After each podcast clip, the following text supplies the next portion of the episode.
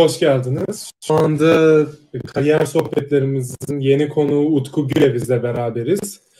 Ee, Utku Bey hoş geldiniz. Merhaba Feyz Bey, hoş bulduk. Ee, öncelikle ben e, konumuzun özgeçmişini okuyayım. 2015 yılında TOBETÜ Bilgisayar Mühendisliği bölümünden mezun olan Utku Güleviz, stajlarını Innova Bilişim ve ISH'da yaptı. Mezuniyetinden sonra San Francisco merkezli Ambato şirketinin Ankara ofisinde Android geliştirici olarak çalışmaya başladı. Ağustos 2016'da oradaki işinden ayrıldı ve Lova'da yer alan Maharishi University of Management'ta master eğitimini almak üzere ABD'ye taşındı. Master eğitimine devam ederken aynı zamanda Ford'un Michigan'daki merkez ofisinde Lincoln Way 1.0 Android ekibinin önemli bir üyesi olarak çalıştı. Utku Güleviz Ekim 2018'den beridir de Amazon'un Seattle ofisinde Federated Identity ekibinde yazılım mühendisi olarak çalışıyor. Hoş geldiniz Utku Bey. Öncelikle bize kendinizden biraz bahseder misiniz? Biraz da sizin ağzın e, dilinizden alalım. Tabii bahsedeyim. Hoş buldum öncelikle. Benim adım Utku Güleriz. Şu an 29 yaşındayım. Bilgisayar mühendisiyim. Amerika'da yaşıyorum yaklaşık bir 5,5 senedir. Buraya gelmeden önce Tobet Üniversitesi'nde bilgisayar mühendisliğinde okudum. Bilgisayar mühendisliğinde okuduk bitirdikten sonra ODTÜ Teknokent'te bir buçuk seneye yakın bir süre zarfında Ammoto'da çalıştım. Ammoto dediğiniz gibi San Francisco merkezliydi. Silikon Vadisi de kurulmuştu. Ama Türkiye'de de ofisleri vardı. Orada güzel tecrübeler edindim. Orada çalışırken Amerika'da master yapma fikri aklıma girdi. Orada Amerika sonrasında Amerika masterlarını araştırmaya vesaire başladım. Sonra Amerika'da master'a geldim. Yani buldum, mülakatları geçtim vesaire derken burada master'a başladım. Aynı zamanda master'ımı yaparken Ford'da bilgisayar mühendisi olarak çalışıyordum. Android geliştirici olarak tekrar. Ondan sonra bir, bir buçuk sene kadar falan Ford'da kaldım. Oradan yani master'ımdan mezun oldum. Sonra Ford'da birazcık daha kaldım derken daha sonra kendimi Seattle'da Amazon'da buldum. Yaklaşık bir 3 senenin 3 sene 2 ay kadardı da Amazon'da çalışıyorum. Peki teşekkür ederiz. Ee, öncelikle neden bilgisayar mühendisliği ve daha önce yazılıma ilginin ilginiz var mıydı? Şöyle söyleyeyim, benim aslında yazılıma çok ilgim yoktu. Daha doğrusu pek e, haberim de yoktu diyebilirim. Ama bilgisayarlarla çok aşırı neşirdim. Yani e, yani bilgisayar kullanmayı, oyunlar oyunlar oynamayı çok severdim özellikle. E, onun dışında tabii ki yani oyunların nasıl yapıldığını veya işte teknik arka planda neler döndüğünü çok ilgiyle kendim takip ediyordum. Yani kendi çabalarımda bir şeyler öğrenmeye tabii ki çalışmıştım daha öncesinde. Ama dediğim gibi pek bir yazılım tecrübem de yoktu. Ee, ama bir öğrenme isteğim, hevesim vardı her zaman. O şekilde başlamıştı benim bu serüvenim. Ee, daha sonra sanırım neden TOB Üniversitesi mi demiştiniz? Evet, neden TOBETÜ? Evet.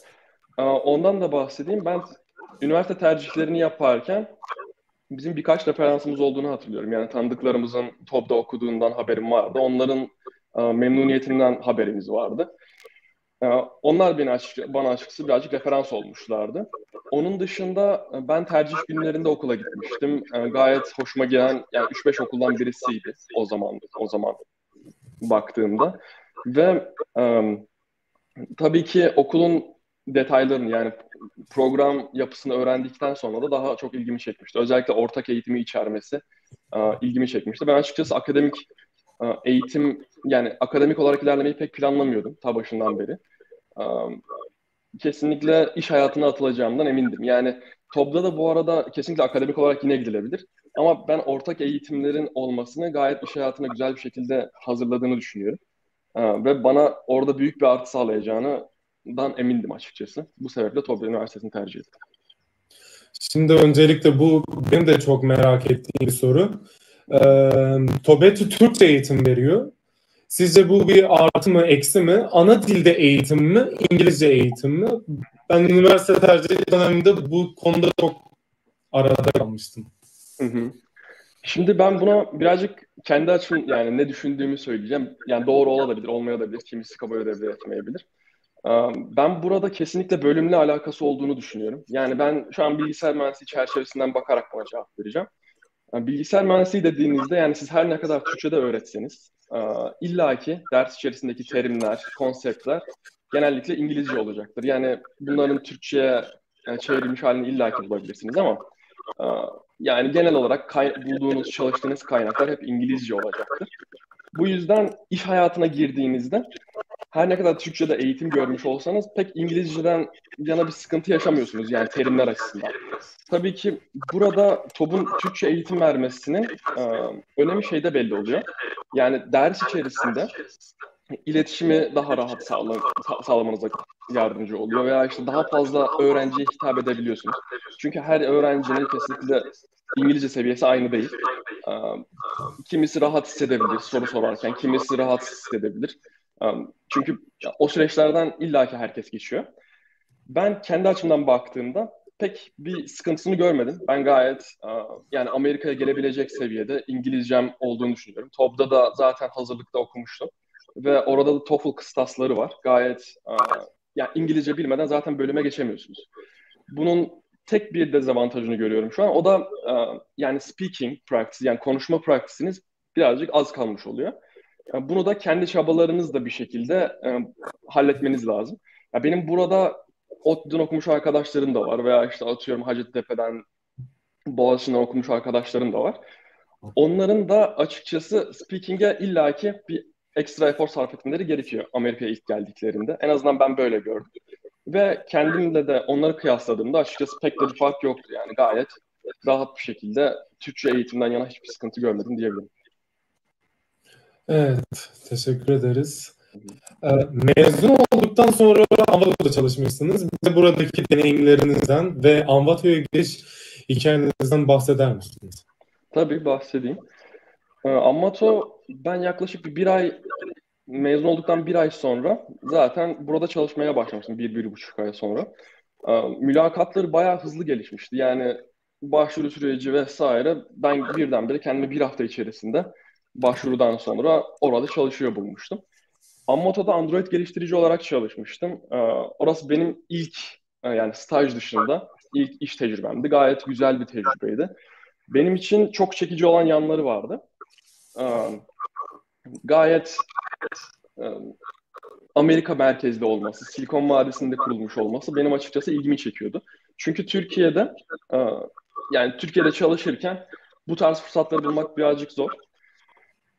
Bu yüzden ben orada çalışmaktan bayağı keyif almıştım. Orada dediğim gibi Android ekibinde çalışıyordum. Ve okyanus ötesi toplantılara katılma şansım oluyordu. Gayet, bunlar da bu arada İngilizce oluyor. Gayet kendinizi geliştirebileceğiniz toplantılar vesaire oluyor.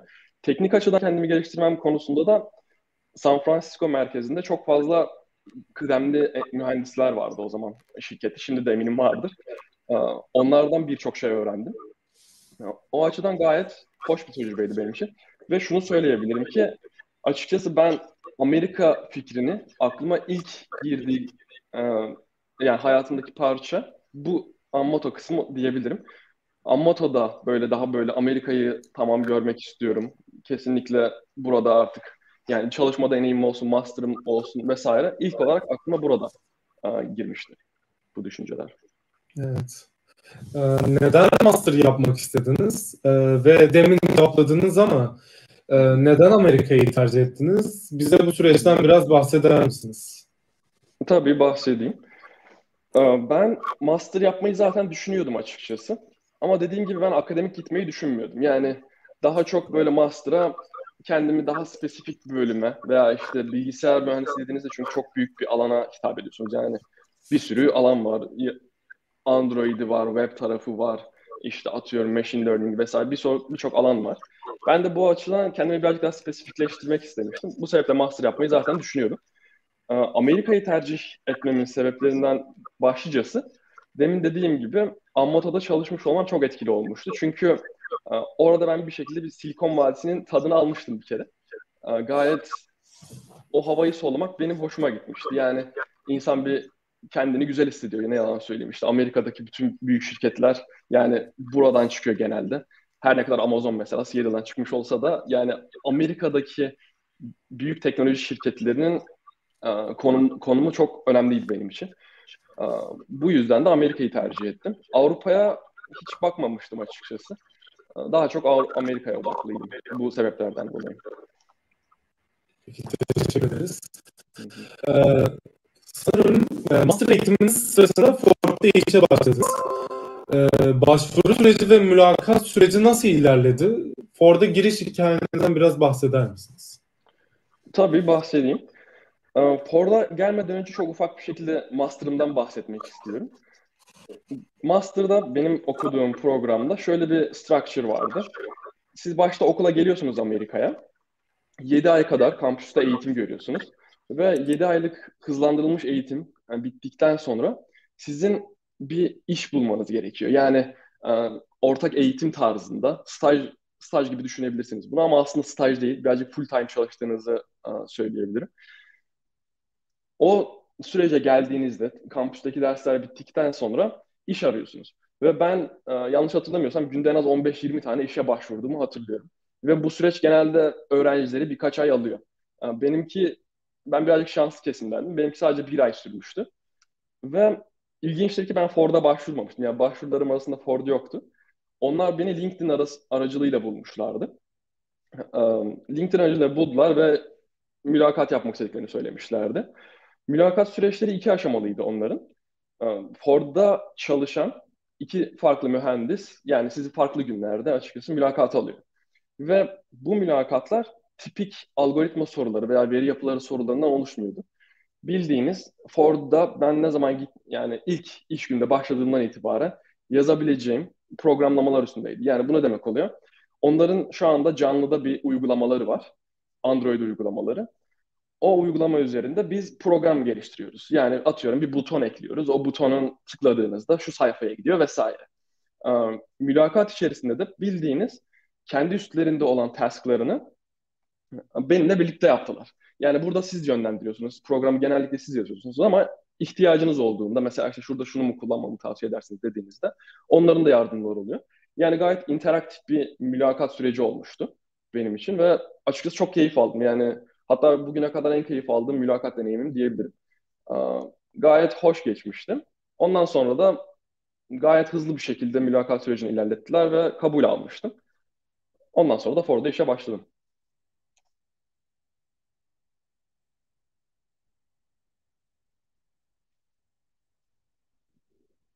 Şu an sesinizi alamadım ama benimle mi alakalı acaba? Tamam. Tamam şimdi oldu. Ford'daki çalışma ortamından, rolünüzden, tecrübelerinizden, kültürden ve çalıştığınız takımdan bahseder misiniz? Tabii, tabii bahsedeyim. Um, Ford'da ben dediğim gibi Android geliştirici olarak başlamıştım. Orada yani çok güzel fırsatlar edindiğimi söyleyebilirim. Yani ilk günden itibaren benim takıma dahil olduğumu hissettiren güzel takım arkadaşlarım vardı. Ve um, kullandıkları teknolojiler gayet çok son teknolojiler. Son teknolojiydi Android açısından baktığımızda. Çok güzel kütüphaneler kullandıklarını hatırlıyorum. Ve çok fazla öğrenme şansı buldum açıkçası. Ve bunu bulduktan sonra gayet hevesli bir şekilde her gün işe gidiyordum. Yani hevesli bir şekilde işimi yapıyordum. Çok keyif alıyordum. Yani pek stresli bir günüm olduğunu açıkçası hatırlamıyorum orada. Ee, bu kadar keyif aldığım bir iş sayesinde açıkçası kendimi birazcık hızlı geliştirme şansı buldum. Ve e, Ford da bunu açıkçası çok hızlı fark etmişti. Ve ben ilk 6 ayımdan sonra Ford'da bulunan ilk yani 3 büyük Android ekibinden birisinin teknik lideri olarak e, bir pozisyon önerilmişti bana. Yani sadece ilk 6 ayımda kendimi gösterip birdenbire oranın teknik lideri olabilecek yani bir tane takım teknik lideri olabilecek seviyeye gelmişti. Ve bu olduğunda sadece 24 yaşındaydım. Yani e, bunun yaşattığı gururu ben pek bilmiyorum yani çok az görmüşümdür. Yani çok mutlu olmuştum. Ve açıkçası çok şaşırmıştım da. Çünkü bu benim Amerika'daki ilk tecrübem olduğu için hızlı yükselişlerin bu kadar mümkün olduğunu açıkçası haberim yok. Çünkü Türkiye'de olsanız ilk 6 ayınızda sizi teknik lider olarak bir takımın başına koymaları bayağı zor olsa gerek. Yani bayağı Einstein falan olmanız lazım ki birdenbire koysunlar sizi öyle bir pozisyona. Bu yüzden ben Ford'daki çalışma yani Ford'dan çok fazla şey öğrendiğimi söyleyebilirim kesinlikle. Peki teşekkür ederim. Ford'da genel olarak hangi teknolojileri kullandınız? Hangi teknolojileri ağırlıklı olarak kullanılıyor? Hangi teknoloji? Ben açıkçası benim takımım ve organizasyonum adına birazcık konuşabilirim bu konuda. Ben dediğim gibi bir Android ekibindeydim. Android ekibinde ben girdiğim sene Java kullanılıyordu. Java ve onun bir Android'in birçok e, kütüphanesi vardı. Benim hatırladığım kadarıyla atıyorum Retrofit vardı. E, Espresso vardı. Mesela bunlar integrasyon testlerinde kullandığımız. İşte robo elektrik test vardı. Bunlar da unit testing'de kullandığımız teknolojilerdi. Ve bu tarz birçok kütüphane kullandığımı hatırlıyorum. Ben dediğim gibi daha çok application tarafındaydım. Yani Android'in uygulama tarafındaydım. Yani bizim yazdığımız uygulamalar Ford ve Lincoln araçlardı. Bu arada Lincoln belki bilmeyenler olabilir. Ford'un lüks segment araçları. Yani aslında aynı firmaya bağlılar, aynı entity'ye bağlılar. Sadece üst firma yani sadece bir üst segment diyebilirim. Ben de Lincoln takımında çalışıyorum. Oradaki yazdığım uygulamalar sayesinde mesela telefonunuza girip um, arabanın, arabanızı çalıştırabiliyorsunuz veya aracınızın satın okuyabiliyorsunuz. Kilitleyip kilidi açabiliyorsunuz vesaire birçok fonksiyonel özelliği vardı. Yani klimanı oluşuyor. Yazdığınız fon uygulamanın fonksiyon olarak görmeniz birazcık daha meşakkat yani birçok farklı um, platformda denemeler yapmanız gerekiyor. Android'in o tarz bir avantajı vardı. Ford'dan ayrılmadan önce yaklaşık son bir birkaç ay civarında da Kotlin yazılım dilini kullandığımızı hatırlıyorum. Daha o zamanlar yeni yeni Kotlin böyle revaçta olmaya başlamıştı ve Android için kullanılmaya başlanmıştı. O şekilde bu teknolojileri kullandım. Peki, teşekkür ederiz. Neden Ford'dan ayrılmayı düşündünüz? Valla Ford'da dediğim gibi ben çok keyif alıyordum. Ee, açıkçası yani çok rahattım gayet. Öğrendiğim teknolojiler çok keyifliydi. İşimi seviyordum, arkadaşlarımı seviyordum vesaire. Ama ben yaklaşık bir birinci yılımın sonunda birazcık cepten yemeye başladığımı hissettim. Yani bu ne demek oluyor? Ben yani kendimi ilk bir yıl gerçekten çok iyi geliştirdim ama ondan sonraki 3-4 ayımda e, yine kendimi geliştiriyordum. Ama birazcık comfort zone'uma yani rahatlık alanıma düştüğümü yavaş yavaş hissettim böyle. Ve o yaşlarımda birazcık daha açıkçası atik olmayı istiyordum. Yani daha böyle tamam şimdi kendimi bunu geliştirdim. Yani bu seviyeye geldim. Daha sonra şu seviyeye gelmem lazım. Yani birazcık daha hevesli olabilmek istiyordum bu bu konularda. Ve bu yüzden kendime daha büyük hedefler koymaya başladım. Ee, tam böyle ayrılmadan bir birkaç ay önce. Bu yüzden dedim ki Amerika'da daha büyük teknoloji şirketleri de var. Ford her ne kadar çok büyük de olsa ve çok da mutlu da olsam bir de daha büyük çapta teknoloji firmalarında çalışmayı çok istiyordum. Bunun çok etkisi olmuştu ve bu sebeple e, yavaş yavaş Amazon gibi işte Google tarzı büyük firmalarla da çalışma e, hazırlıklarına başlamıştım. Bu sebeple de Ford'dan ayrılmayı düşündüm.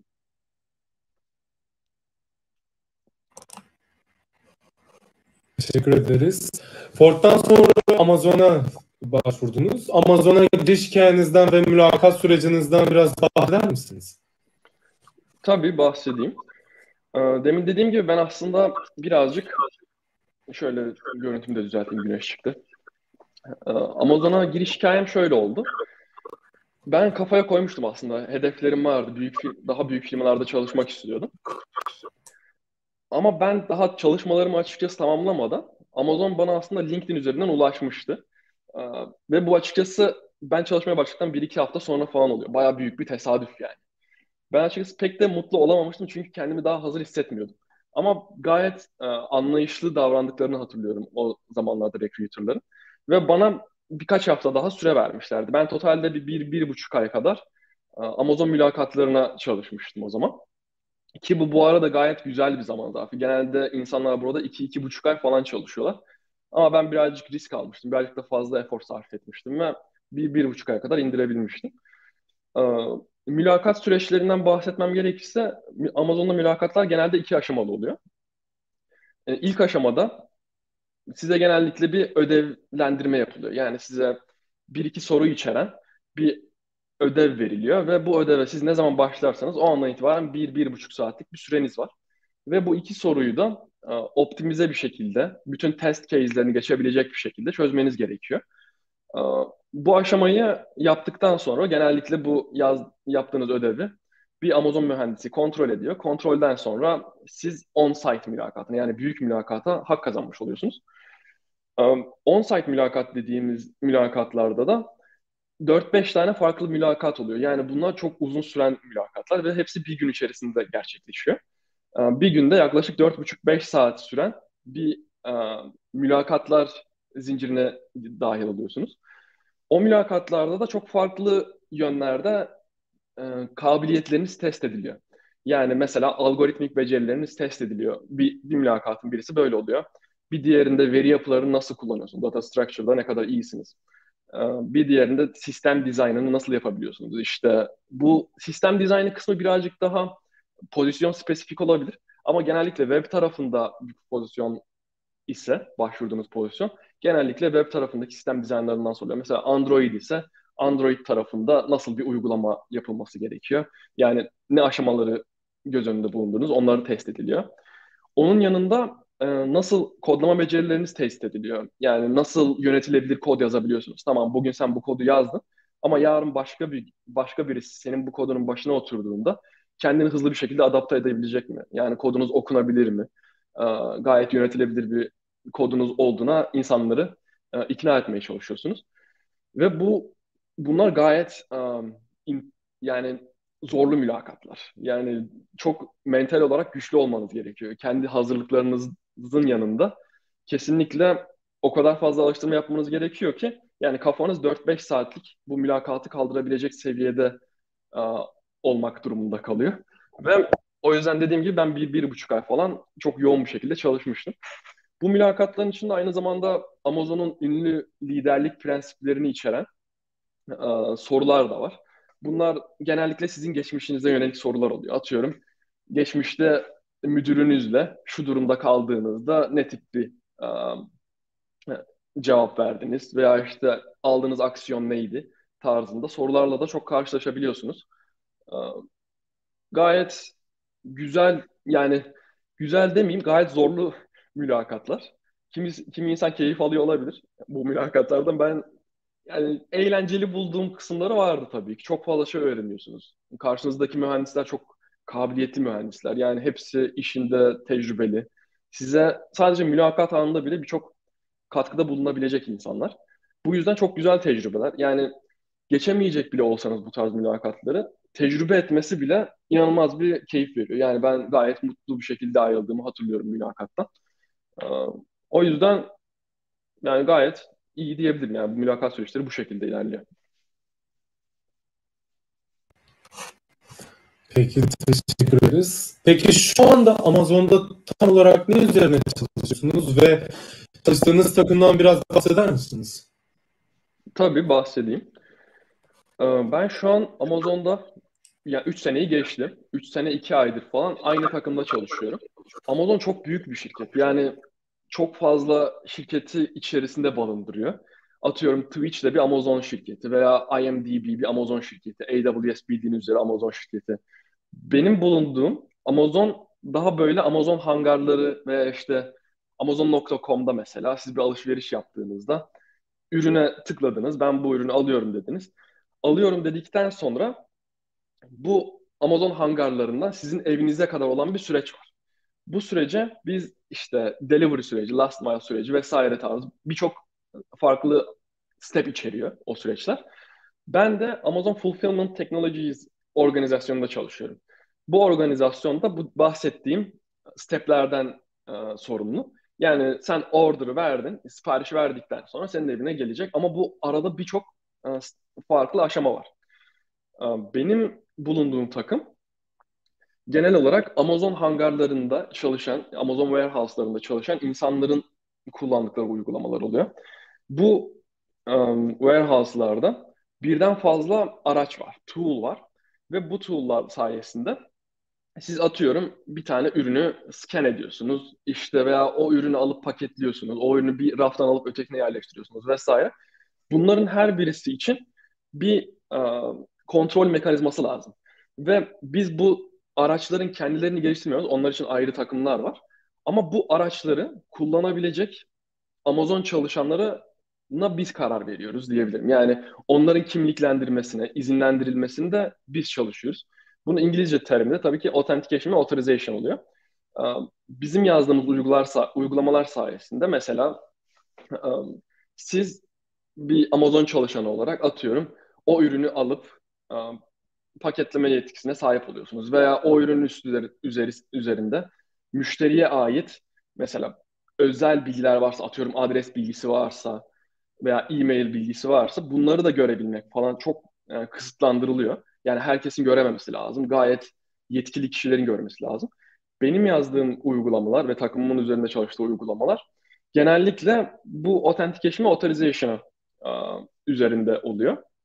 Ve etki alanımız gayet büyük. Yani yüz binlerce Amazon çalışanı kullanıyor bizim yazdığımız uygulamaları. Ve atıyorum bizim uygulamamızda bir şey kötü gitse ve atıyorum iki saat boyunca Amazon hangarlarında iş çalışma dursa yani milyonlarca dolarlık zarara uğruyoruz. Hatta bunun bir 20 dakikalık bir süre içerisinde en azından birkaç milyon olduğunu biliyorum.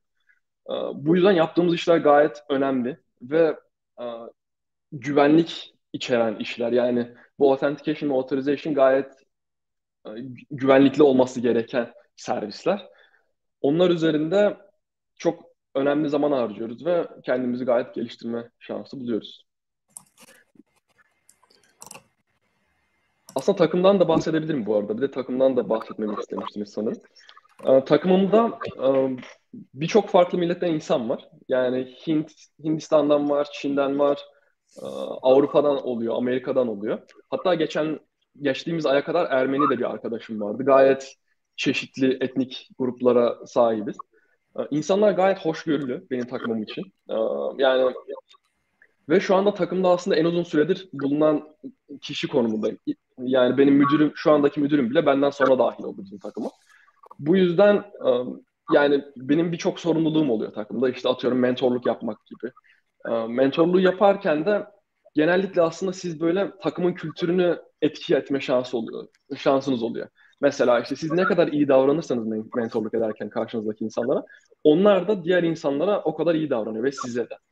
Bu yüzden e, benim aslında sorumluluğum açısından, yani sorumluluğuma baktığımda takım içerisindeki çok önemli bir konumda olduğumu düşünüyorum. E, bu da yani kesinlikle bilgiden ve tek, tecrübelerden bağımsız bir şekilde takım kültürüne yön, yön vermek oluyor. Takım kültürüne yön, yön, yön verebilmek inanılmaz bir a, fırsat. Ben böyle düşünüyorum ve insanların gerçekten size nasıl davranması gerektiğini siz aslında onlara davranışlarınızla göstermiş oluyorsunuz. Ve şu andaki takımında çalışmaktan ben gayet mutluyum. Yani insanlar gayet dediğim gibi hoşgörülüler, iyi niyetliler. Eğer bir, bir şeye ihtiyacınız olsa herkes birbirine çok yardımcı. Ben ben de aynı şekilde elimden geldiğince insanlara yardımcı olmaya çalışıyorum. Ee, o şekilde. İyilik iyilik bul misali. Aynen. Evet. Ee, kul, biraz bahsetmiştiniz gene de e, kullandığınız teknolojiler neler ve Amazon'da ağırlıklı olarak hangi teknolojiler kullanılıyor? Tabii bahsedeyim. Ee, ben Amato ve Ford'da Android geliştirici olarak çalışıyordum. Amazon'a geldiğimde bir kariyer değişikliği yapmayı düşünmüştüm. Açıkçası daha böyle büyük resmi görebileceğim. Tamam ben uygulama tarafında çalıştım ama arka planda neler dönüyor? Onları da öğrenebileceğim bir pozisyon arıyorum açıkçası. Ee, bu yüzden ben şu anda backend ve frontend uygulamalar üzerinde çalışıyorum daha çok. Yani son 3 senedir falan Android ile pek bir alakam olmadı. Ee, backend tarafında hatta %90-95 civarında da backend tarafında çalışıyorum diyebilirim. Ee, orada da kullandığımız teknolojiler e, AWS yani en son zamanlarda çıkmış olan yani son teknoloji AWS servislerini kullanıyoruz. Gayet scalable ve optimize e, servisler üretmeye çalışıyoruz ki ileride bir sıkıntı çıkmasın veya işte kullanıcı sayımız arttığında kesinlikle bu bizim ürünümüzde bir performans sıkıntısı yaratmasın. Ben burada arka backend tarafında Java ve AWS servislerini kullanıyorum. Frontend'de de tabii ki bazen e, çalışma şansım oluyor ama dediğim gibi bu yüzde beş hatta yüzde onu vesaire aşmıyor. Frontend tarafında da TypeScript kullanıyoruz. E, ama dediğim gibi çok genellikle biz böyle authentication ve authorization'a baktığımız için sadece yetkilendirme sayfalarını oluşturuyoruz. Yani administrative uh, sayfalar. Bunlar da genellikle nispeten uh, straightforward yani gayet anlaşılabilir, kolay bir şekilde kodlanabilecek ve dizayn edilebilecek uh, uygulamalar oluyor. Genellikle bizim ya- yaşadığımız, uh, tecrübe ettiğimiz problemler hep backend tarafında oluyor. Yani daha böyle uh, nasıl optimizasyonu güçlendirebilirim, nasıl benim uygulamamın performansını arttırabilirim vesaire. Bunlar hep backend tarafında oluyor. Ve ben Amazon'da çalışmaya başlamadan önce AWS servislerinin yani hiç kullanmamıştım. Hepsini burada öğren, ya hepsi derken yani 160'tan fazla şu an AWS servisi var. Bunların hepsini bilen dünya üzerinde bir insan olduğunu sanmıyorum. Ama e, belli başlı yani herkesin böyle haşır neşir olduğu en azından bir 5-10 tane bir AWS servisi var. Bunlar işte database olabilir veya işte compute solution'ları olabilir. Onlarla çok çalışma fırsatım oluyor ve bunları öğrenme şansım oldu. Ee, bu teknolojileri öğrendim son 3 senemde. Peki teşekkür ederiz. Amazon'un oldukça sert bir şirket kültürü olduğu deniyor. Bu doğru mu? Amazon'un şirket kültüründen ve çalışma ortamından biraz bahseder misiniz? çalışma ortamınızdan memnun musunuz? Söylendiği kadar acımasız bir şirket kültürü mü var? Tabii söyleyeyim. Ee, buna bu soruya cevap vermeden önce Amazon'un nasıl bir yaklaşımı olduğundan bahsedeyim e, takımlara. Amazon gibi bir şirkette çalıştığınızda birçok farklı takım görebiliyorsunuz. Birçok farklı organizasyon görebiliyorsunuz. Ve bu takımlar genellikle aslında birer startup gibi hareket ediyorlar. Yani sanki büyük bir şirket gibi değil de sadece kendileri varmış gibi işte kendi bütçeleri var, kendi uh, kodlama standartları var vesaire. Yani benim takımım mesela kendi kendi başına bir startup gibi hareket ediyor. Böyle düşündüğünüzde de her takımın kendine ait bir kültürü oluşuyor. Burada demin de bahsettiğim gibi e, kültürde, takım kültüründe e, mühendislerin ve müdürlerin gayet çok büyük etkisi var. Ve eminim ki ben kendi takımım adına konuşmam gerekirse biz gayet, ben açıkçası mutluyum dediğim gibi çok stres yaptığım anlar pek olmuyor. Yani yılda eminim ki birkaç kere stres yaptığım oluyordur ama bu gayet yani bu kadar etki alanınız büyük olunca illaki stres yapacaksınız. Yani uygulamanızın patlaması birkaç gün hiç problem değil. Sadece yani beklenmedik değil. Gayet beklendik bu tarz şeyler ve bu tarz zamanlarda tabii ki stres oluyor. Ama ben rahatlıkla söyleyebilirim ki %95 çalışma zarfında benim yıllık kesinlikle hiçbir e, sıkıntı görmüyorum. Takım arkadaşlarımla iletişimim iyi. Ve Amazon'un takımları arasında ortak olan yegane şey Amazon'un liderlik prensipleri. Demin de hafif bahsetmiştim. 16 tane liderlik prensibi var. Ee, Amazon kendi çalışanlarının her birinin liderlik vasfına sahip olmasını istiyor. Ve e, mülakat süreçlerinin de yarısını bu liderlik soruları zaten oluşturuyor. E, bu liderlik yani vasıflarına sahipseniz genellikle bu tarz stresi de handle edebiliyorsunuz ama dediğim gibi benim çok talihsiz arkadaşlarım da oldu ve takımları ne yazık ki e, benimki kadar böyle mesela iyi değildi diyeyim. Yani iyiden kastım teknolojik açıdan veya kullandıkları teknoloji açısından değil de e, yani insanların birbirine davranışı çok çok iyi değildi veya e, atıyorum ürün geliştirme konusundaki işte süreçleri çok or, çok belirli değildi. Herkes böyle kendi başına buyruk çalışıyordu vesaire. Böyle arkadaşlarım da vardı. Bu yüzden Amazon adına konuşurken yani çok büyük bir şirket olduğu için kesinlikle tek bir kanıya varamıyorsunuz. İlla ki iyi takımlar vardır. İyi, illa ki kötü takımlar vardır. Ama ben e, eminim ki yani eğer ki insanlar kendi takımlarının kültürünü geliştirmek istiyorsa ve bir efor sarf ediyorsa e, Amazon buna duyarsız kalmayacaktır. E, gayet bu konuda kendilerini geliştirebilirler ve takımlarına da iyi etkide bulunabilirler. Peki teşekkür ederiz. Bu arada yayına da Oğuz Ergin hocamız e, TOBETÜ bilgisayar mühendisliği olarak Utku'ya gurur duyuyoruz yazmış. Teşekkürler Oğuz hocam. Ee,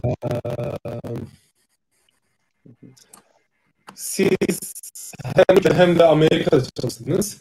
İki ülkedeki çalışma ortamını karşılaştırır mısınız? Ne tür farklılıklar var şirket kültürü olarak? Tabii karşılaştırayım. Şimdi ben Türkiye'de çalışırken benim çalıştığım şirket yine Silikon Vadisi merkezde olduğu için aslında o şirkette de böyle hala Amerikan kültürünü seziyordunuz. Yani ben bu yüzden kendimi tam Türkiye'deki çalışma kültürüne yani maruz bırakılmış hissedemiyorum. Ama gördüğüm kesinlikle belirli baş, belli başlı farklar var. Özellikle demin de bahsettiğim gibi ben Ford'da çalışırken yani 6 aylık kısa bir süre içerisinde kendimi çok net bir şekilde gösterip daha 24 yaşındayken kendimi birdenbire bir takımın teknik lideri konumunda görebilmiştim. Ve e, bu eminim ki Türkiye'de de eğer startupta veya birkaç tane istinai şirkette çalışıyorsanız olabilir. Ama Amerika'da sanki bu gayet mümkün gibi gözüküyor benim. Yani en azından ben böyle gördüm. Diğer şirketlerde de çünkü örneklerini gördüğüm arkadaşlarım var. E, kendinizi daha rahat gösterebiliyorsunuz. Yani eğer ki çalışıyorsanız, işte hak ettiğinizi belli ediyorsanız bu gayet görülüyor. Ee, tabii ki bunların yine dediğim gibi istisnaları olabilir. Bazı şirketler yani bu kadar um, böyle ilerlemiyor olabilir. Yani daha böyle politik ilerliyor olabilir. Ama benim gördüğüm böyle sizi fark edebilecek şirketlerin oranı çok fazla. Yani ben Ford gibi kurumsal bir şirkette, bu kurumsal şirket gayet büyük bir şirket. Yani ilk 6 aylık sürecimde beni böyle bir direkt teknik lider olarak konumuna getirmesi açıkçası bana çok şaşırtıcı gelmişti ve beklenmedikti yani benim için. Bu çok önemli bir faktör. Ee, bunun yanı sıra e, Türkiye'de yani Amerika'da bu arada kendinizi geliştirmeye odaklanıyorsunuz daha çok. Yani Türkiye'de nedense ben böyle hissettiğimi çok hatırlamıyorum. Yani stajlarımı yaparken ya tabii ki kendimi geliştirmeye odaklanıyorum ama burada mesela çok sevdiğim bir işimden de ayrılabiliyorum yani. Tamam diyorum kendimi birazcık daha aslında ilgi geliştirebilirim. Daha şu yerlere gelebilirim. İşte çünkü bu yaşlarımız çok önemli. Yani ben yaklaşık bir 35 yaşına kadar diyeyim. Öğrendiklerimizin çok önemli olduğunu düşünüyorum ve e, ne kadar hızlı öğrenebilirsek, ne kadar fazla kendimizi geliştirebilirsek e, bizim yanımıza kar.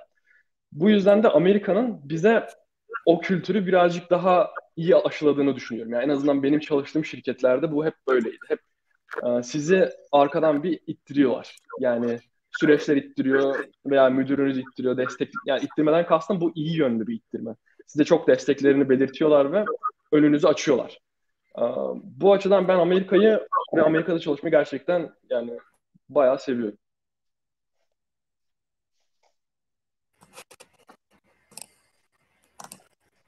Evet, teşekkür ederiz. Kuzen'den başarılarınız daim olsun. Kuzenim olarak gurur duyuyoruz. Evet, teşekkürler kuzen. Bunlara da selamlar olsun. Evet, selamlar. Ee, bir sorunumuz var. Ee, Ford'da çalıştığınız takımda liderlik üstlendiniz ve Amazon'da uzun bir süredir çalışmaktasınız. İleride yönetim kısmına geçiş yapmayı düşünüyor musunuz? Bu gayet güzel bir soru. Ee, ve bence bu gayet ciddi düşünülmesi gereken bir soru. Ben ileride düşünüyorum açıkçası. Yani bu yazılım müdürlüğü olabilir veya işte ürün müdürlüğü tarzı. Yani farklı pozisyonlar var. İleride geçmeyi düşünüyorum ama şu anda birazcık daha kendimi teknik açıdan geliştirmeye odaklıyım. Yani atıyorum bu önümüzdeki 3-4 senede en azından böyle devam edecek. Birazcık daha kendimi teknik açıdan geliştirip daha daha fazla ürün geliştirme tecrübesi edinip liderlik yani şu anda da zaten dediğim gibi liderlik vasfım illaki var. Dediğim gibi mentorluk yapıyorum veya işte takım arkadaşlarım da aynı şekilde onlar da mentorluk yapıyorlar. Yani Amazon'da çalışan herkesin bu tarz yükümlülükleri var. Ama dediğim gibi oraya geçmenin iyi düşünülmesi gerekiyor ve zamanlaması çok önemli. ben çok erken geçilmemesini düşünüyorum. Yani kimi insan kendini o açıdan çok geliştirmiştir ve 25 yaşında kendini o tarz sorumluluklar almaya hazır hissediyor olabilir. Ben açıkçası birazcık daha teknik açıdan gelişmem yani gelişmeyi istiyorum ve daha çok eğleniyorum diyeyim. Bu kesinlikle kişisel bir tercih.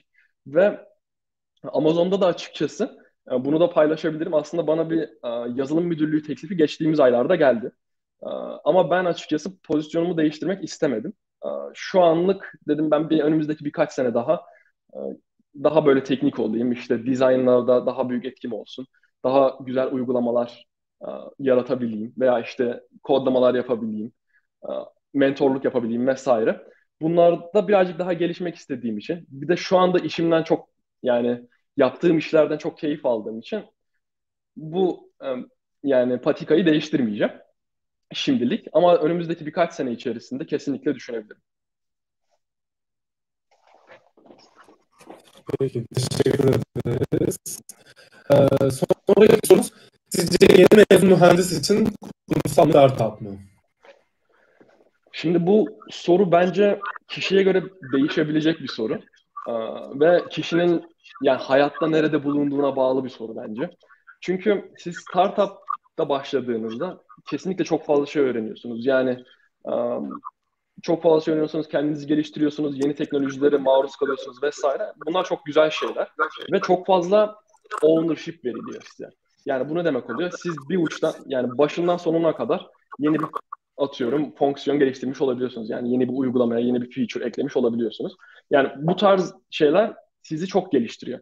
Ama yani eksi tarafından baktığımızda da yani startup demek hafif riskler almak demek. Mesela orada çalışmaya başladığınızda şirket size çok iyi ekonomik destek vermiyor olabilir. Ve e, atıyorum sizin size hisse veriyor olabilirler. Ama sizin ileride tamam şirkete güveniniz var ama başarısız olma ihtimali de var. Bu yüzden emekleriniz kesinlikle boşa gider demiyorum.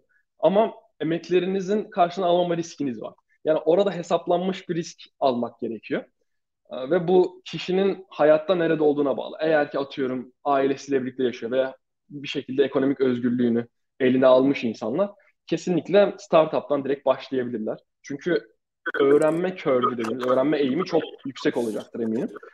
Um, kurumsal dediğimizde de kurumsalda yani daha garanti bir işiniz oluyor. İşte e, yine daha yine birçok şey öğrenebiliyorsunuz vesaire. Ama e, startup'taki kadar da öğrenebildiğinizi düşünmüyorum. Tabii ki Amazon gibi bir şirkete giriyorsanız, demin de bahsettiğim gibi Amazon'da her bir şirket, start, pardon her bir takım startup gibi davranıyor. Yani her kendisine startup muamelesi yapıyor. Ve bu sebeple çalışanlar da o muameleyi yapıyor ve siz illaki her ne kadar kurumsal bir şirkette de çalışsanız startup havasında çalışıyorsunuz. Yani çok fazla ownership veriliyor tekrar dediğim gibi. Ee, çok fazla etki alanınız var. Yani binlerce, milyonlarca insana e, etki edebiliyorsunuz. Sizin uygulamalarınız onlar tarafından kullanılabiliyor. Yani burada kişiler bence kendileri bu iki farkı ölçüp tartmalı ve kendilerini nerede e, görüyorlarsa ona yönelmeliler. Ama dediğim gibi startup dediğimiz riskler bence hayatın erken evrelerinde alınabilecek riskler. Yani direkt mezun olur olmaz olmasa bile atıyorum 3-4 sene kurumsalda çalıştınız, belli bir yere geldiniz. Tekrardan startup'a dönebilirsiniz. Yani ben bu tarz kariyer değişikliklerinde de bir sakınca görmüyorum. En azından e, örnek kendi gördüğüm örneklerde de gayet başarılı insanlarla tanıştım. Peki, teşekkür ederiz. E, chat'ten de sorumuz var. Alakalı zaten. Türk, işte bir sonraki sorumuz Türkiye'de yaşayıp Amerika'da kariyer yapmak isteyenlere tavsiyeleriniz neler? Nasıl yol izlemeleri gerekir? Chatten de merhaba birinci sınıf CD öğrencisi için roadmap önerebilir misiniz? Amazon'da çalışmak için mesela. Kısa bir soru. Anladım. Şimdi e, nasıl bir yol izlemeleri gerekir?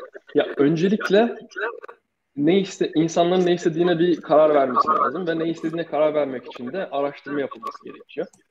Ee, mesela akademik mi gidilecek? Akademik gidildiğinde yani ileride keyif alabileceğinizi düşünüyorsanız o tarz bir path izlemeniz lazım. Veya işte kendiniz daha çok iş hayatına hazırlamak istiyorsanız ona göre davranmanız gerekiyor. Ben kendimden örnek vereyim. Ben e, açıkçası akademik değil de iş hayatına yönelik bir path izlemeye karar vermiştim. Ve bunu yaparken de mesela Amerika'da ne şekilde ben işte direkt şirketlerde işe başlayabilir miyim? Direkt işe başlayamıyorsam hangi yolları izlemem gerekiyor vesaire araştırmalarında bulundum. Ve burada karşımıza çıkan en büyük engellerden bir tanesi vize engeliydi. Genellikle büyük şirketler sizin vizenize sponsor oluyor ama atıyorum Amazon bugün size Türkiye'den sponsor olsa siz en erken Amazon'da seneye Ekim ayında falan başlayabiliyorsunuz. Belki de daha geç. O da zaten vizeniz sonuçlanmış olursa Nisan ayında. Bu tarz şeyler çok önemli. Ben mesela birazcık daha garanti bir yoldan gittim. Master yapmayı da tercih ettim. Zaten master yapmayı istiyordum ama bunun bir ekstra getirisi de size çalışma iznini veriyor.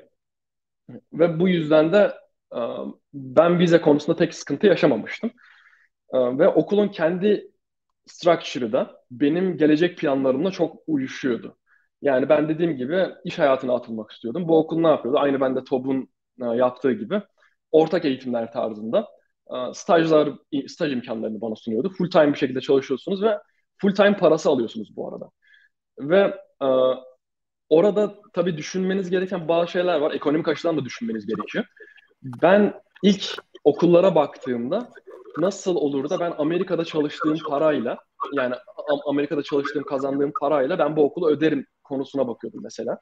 Benim bu geldiğim okulunda bana bu tarz artıları var. Mesela atıyorum okula ilk başlarken bir 3-5 bin dolarlık bir ilk ödeme yapıyorsunuz. Ondan sonra geri kalan ödemelerin hepsini iş hayatınıza başladığınızda aylık olarak yapıyorsunuz. Yani bu inanılmaz bir artı. Çünkü Türkiye ile Amerika arasındaki zaten dolar TL kur farkı ortada. Ki ben geldiğimde bile yani dolar 3 bile değildi ama o zaman bile gayet zorlayıcıydı. Ve cebimde yani çok aşırı fazla para da yoktu. Yani 5-10 bin dolarlık bir param vardı. Ben bu şekilde bu imkanlarla nasıl bir yol izleyip Amerika'da e, başarılı olabilirim e, araştırmasına girmiştim. İnsanların da kendi imkanlarına bakarak işte ben şu an buradayım. İşte Türkiye'de bir süre daha çalışıp kendimi şuraya getirebilirim. Ve oraya getirdikten sonra Amerika'da e, master yoluyla mesela gelebilirim. Eğer ki master yapmaları yani master yapmadan gelmek istiyorlarsa, direkt şirketler aracılığıyla gelmek istiyorlarsa bu çok iyi bir e, path benim görüşüm. Ama dediğim gibi birazcık şansa bağlı. Çünkü vize mevzuları birazcık çalışma vizeleri birazcık şansa bağlı gidiyor Amerika'da. Ve e, dediğim gibi birazcık süre alıyor. Yani bir sene alabilir, iki sene alabilir belli olmaz. Ve büyük şirketlerde işe girmek için çok güzel bir hazırlık yapmanız da gerekiyor. Dediğim gibi bir buçuk iki ay en azından veya bazen daha bile çok çalışmanız gerekebiliyor. Böyle algoritma soruları çözebileceğiniz, veri yapıları soruları çözebileceğiniz platformlar var online. Ki bunu sadece Google'a yazdığınızda, atıyorum lead code yazdığınızda orada çalış yani orada sorulmuş çıkmış soruları bile görebiliyorsunuz yani daha önce Amazon'da. Ee, onlar üzerine çalışıp kendinizi atıyorum motive edebilecek e, videolar, işte içerikler izleyip kendinizi onlar üzerine odaklayabilirsiniz. E, bu şekilde bir planlama yapıp e, kesinlikle yarından tez yok, başlamanız gerekiyor. Yani ben açıkçası kendimi çok disiplinli buluyorum. Yani ne yapmak istiyorsam genellikle disiplinli bir şekilde işlerimi genelde yarına bırakmadan olabildiğince çabuk bir şekilde başlıyorum. Ve yani siz her ne kadar ne yapacağınızı bilin, yani ne yapmak istediğiniz, ileride hedefinizin ne olduğunu bilin. Onun üzerine disiplinli olarak ve akıllı olarak çalışmazsanız ne yazık ki başarı oranları birazcık düşüyor. Bu yüzden herkese önerim yarından tez yok. Bu tarz eğer istiyorsanız gerçekten bu tarz araştırmalara başlayın ve disiplinli olarak her gün bir aşama kaydedin. Yani bu tavsiyem olabilir. Peki teşekkür ederiz. Bu arada kuzenleriniz bayağı izliyor. Sağ olsunlar ya. Evet, paylaşmıştım. Muhtemelen paylaşımdan gördüler. Selamlar onlara evet, evet. Başarılı mesajları var. Ee, bir sonraki sorunuz e, tekrardan üniversite yıllarına dönseydim kesin e, dönseydim kesinlikle yapardım dediğiniz şeyler. Üniversite öğrencileri için. Evet. Anladım. Bu da gayet güzel bir soru. Ee, ne yapardım? İlk önce yapacağım şey muhtemelen bir mentor bulmaya çalışırdım. Açıkçası benim e, eksikliğini hissettiğim şey yani ben bu tarz araştırmaları genellikle kendi başıma yapmak zorunda kaldım. Yani benim açıkçası bir yol göstericim olsaydı belki daha rahat bir şekilde yani aşamalardan geçebilirdim. Daha hızlı hızlandırabilirim ki şu anda bile hızımdan şikayetçi değilim. Yani nankörlük etmek istemiyorum. 24 yaşında buraya geldim. Daha sonra master yaptım. Buralardaki büyük şirketlerde çalışma şansı buldum. Ki bu gayet hızlı ama bir mentorluk olsaydı önümde, bana bir yol gösteren olmuş olsaydı daha da farklı şeyler olabilirdi. Daha başarılı da olabilirdim. Bu çok önemli.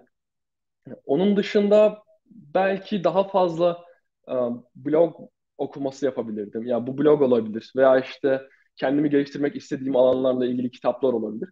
Ya şu anlarda bile ben her gün farklı kitap okuyorum. Yani kendi alanımla ilgili olur veya ilgimin olduğu bir alanla ilgili olabilir. Onunla o konularda kendimizi geliştirmek çok önemli. Ve kitap, kitaplar ve bloglar veya işte YouTube videoları veya Udemy'de herhangi bir şekilde kendinizi geliştirmek çok önemli.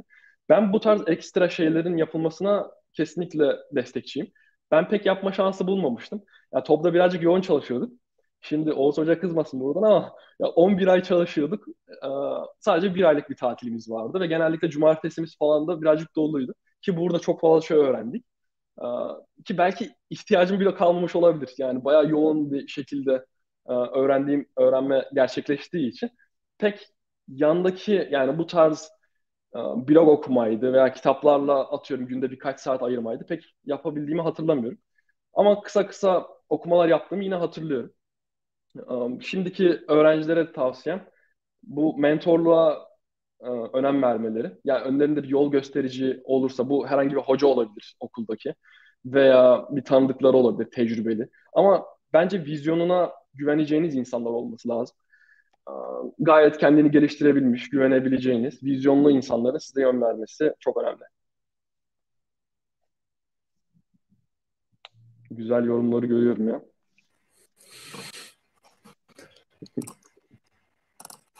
Evet, peki teşekkür ederiz. Ee, bir sonraki sorumuz, e, Amerika'ya ilk geldiğinizde ne tür zorluklar yaşadınız? Manevi olarak zorlandınız mı? Aile özlemi, hasret vesaire. Ee, tabii ki zorlandım. Ya şöyle söyleyeyim, ben 24 yıl boyunca annemle babamın evinde kaldım. Yani hiç yurtta bile yaşamamıştım. Açıkçası gidip bir şehir değiştirmedim. Yani farklı bir mahallede bile kalmadım öyle söyleyeyim.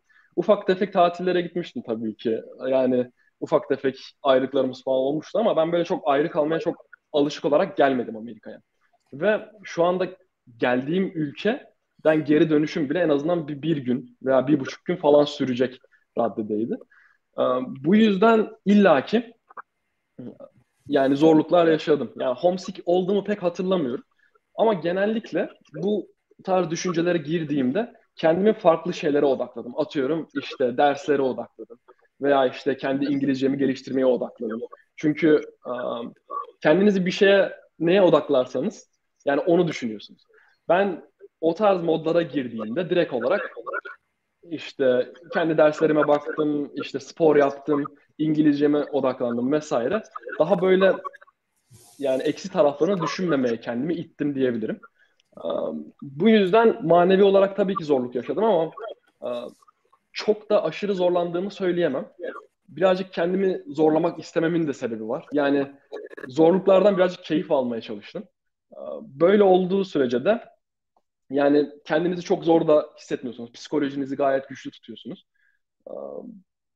Bu şekilde geçti diyebilirim ilk geldiğimde. Teşekkür ederiz. Hı hı. Bundan sonraki sorumuz e, yazılı, yazılımın geleceğini nasıl görüyorsunuz? Uzun süre popüler olmaya devam edecek mi? E, ve ihtiyaç duyulan, duyulan bir alan olmaya devam edecek mi? Şimdi um, ya teknoloji çok hızlı değişiyor. Kesinlikle bundan 20 yıl sonrasını tahmin etmemiz birazcık mümkün değil. Ama ben açıkçası yani şu anda yazılımın hayatımızın her alanına nüfuz ettiğini düşünüyorum. Yani atıyorum alışverişinizi bir web sitesi üzerinden yapıyorsunuz veya işte dışarıda spor yapıyorsunuz. Bunu bir uygulama üzerinden takip ediyorsunuz vesaire. Yani her şey artık yazılım üzerine kurulu ve her şey böyle automated olmaya başladı.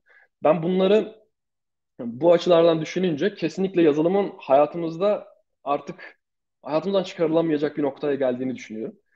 Ee, kesinlikle popülerliğini sürdürecek. Önümüzdeki 5-10 yıl aynen bu şekilde devam edebilir.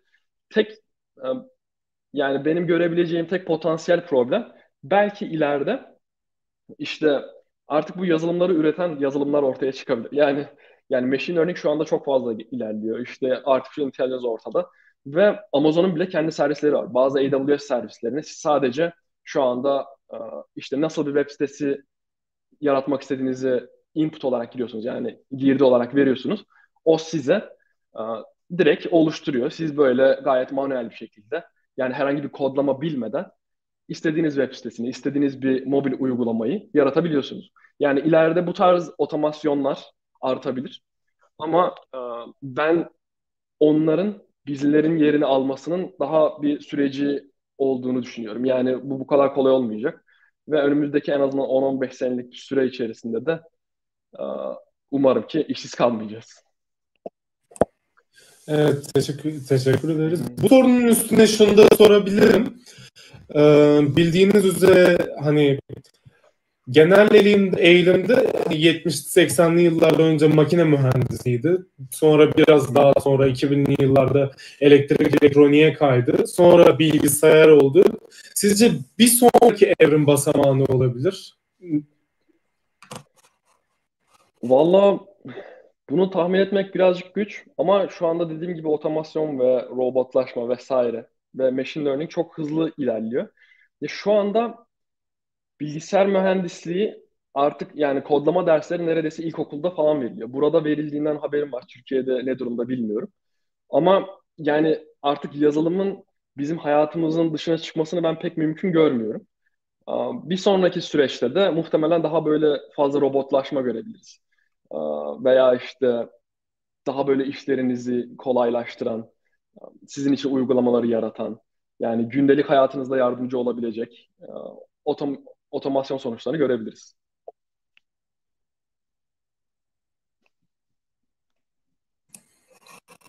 Çalıştığınız şirketler bilgisayar mühendisliği dışında bir bölüm okumuş veya üniversite mezunu olmayıp yazılım geliştirici olanlar var mıydı? Ee, bu profile sahip işte ne kadar şans var ve kendilerine ne önerirsiniz? Evet vardı. Ford'da buna bir örneğim yoktu ama Amazon'da var. Yani bu tarz insanlar genelde kendilerini yani okul dışında okudukları kitaplarla, takip ettikleri bloglarla veya ekstra aldıkları derslerle kendilerini geliştiriyorlar ve CV'lerine koyuyorlar. Burada bu insanların yani yeterliliği konusunda benim aslında pek bir sıkıntı görmedim. Yani illaki eksikli bazı eksikler oluyor ama çalışma hayatında bu eksikleri genellikle giderebildiklerini gördüm.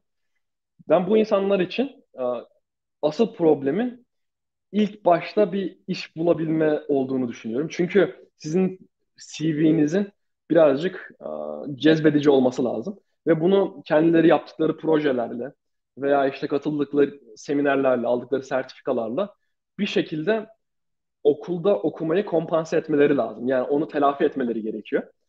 Eğer bunu yapabilirlerse ve ilk işe adımlarını atabilirlerse yani zaten bir yerde artık bir tecrübe kazanmaya başlayıp kendilerini o şekilde geliştirebileceklerini düşünüyorum. Ama dediğim gibi o insanlar için birazcık daha zorlu. Yani mülakat düşürmesi çünkü başlı başına bir iş Amerika'da. İlla ki referansları üzerinde çalışmaları lazım.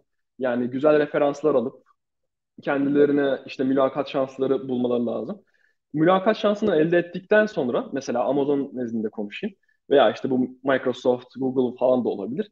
Siz mülakata giriyorsanız eğer o saatten sonra siz sadece çözdüğünüz algoritmalarla veya işte yaptığınız dizaynlarla işe girip girilme, gir, girmeme kararınız veriliyor. Yani kimler veriyorsa karşınızdaki mühendisler veya müdürler. Um, bu yüzden dediğim gibi CV'nizin mülakat geçir mülakat düşürmede çok büyük önemi var. Bunun için de yaptığınız projeler, ekstra projeler, ekstra eforlar çok önemli. Bu tarz arkadaşlar için bu önerilerde bulunabilirim. Teşekkür ederiz. Bir sonraki sorumuz GPA iş başvurularında ve işe alımlarda ne derece önemli? Valla Türkiye'de birazcık önemliydi diye hatırlıyorum. burada kimse bana sormadı. Hatta açık konuşayım burada bana kimse diplomamı dahi sormadı. Yani işe girerken.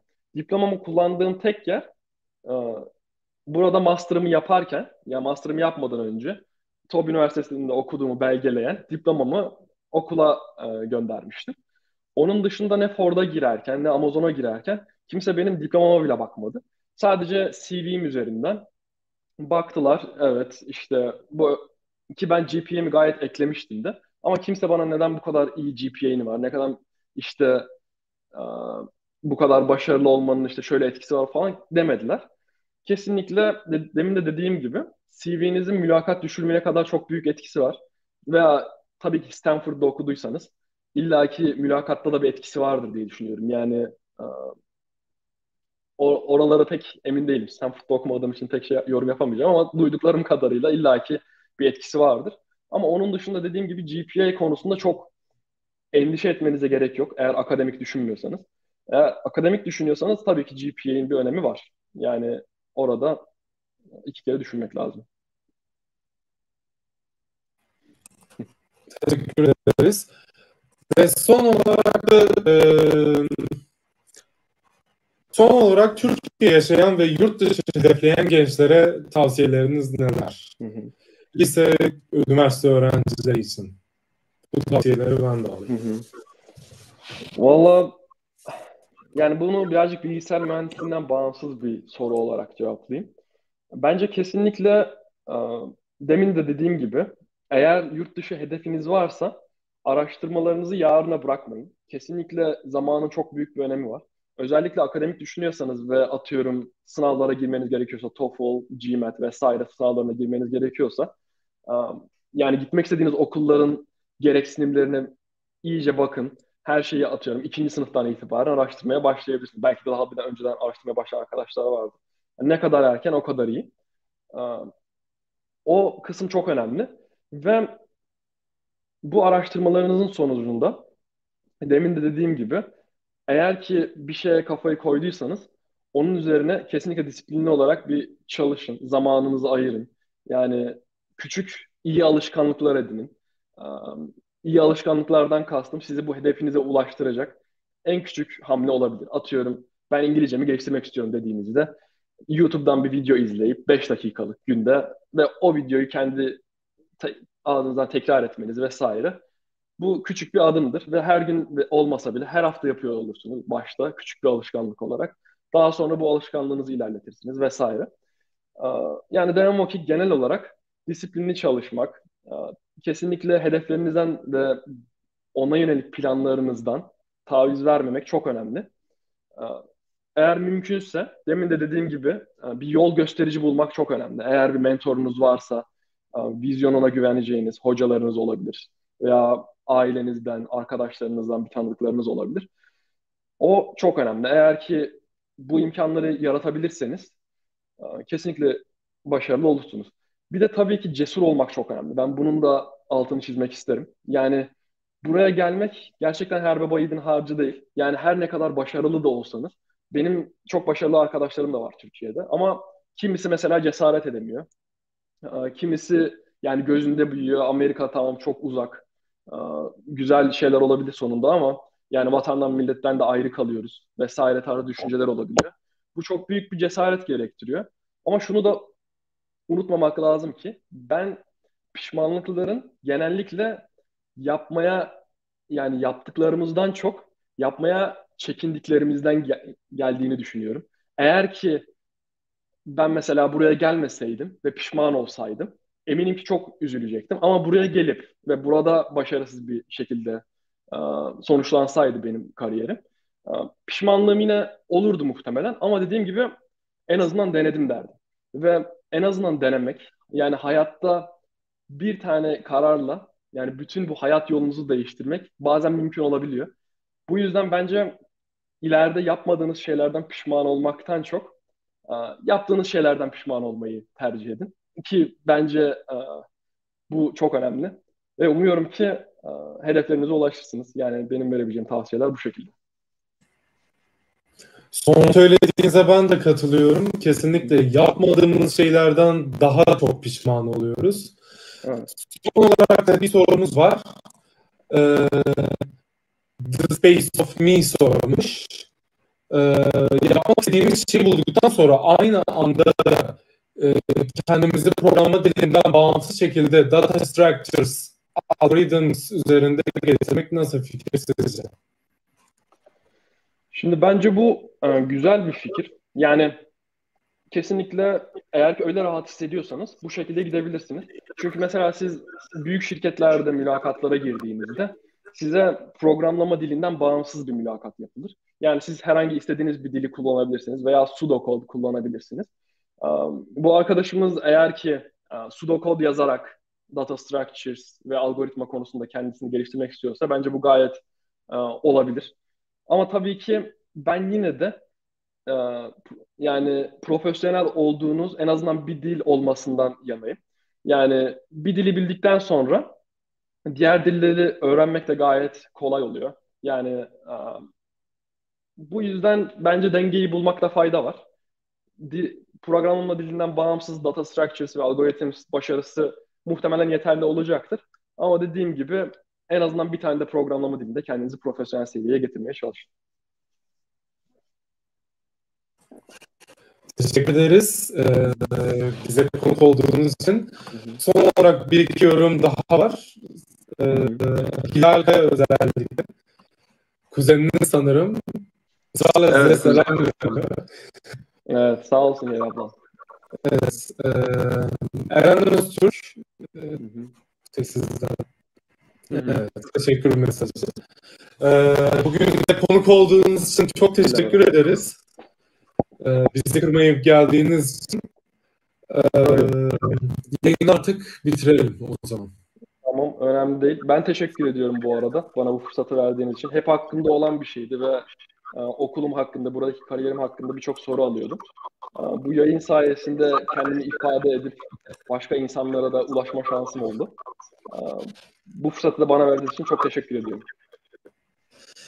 Peki, teşekkürler. İyi günler. İyi günler, görüşmek üzere.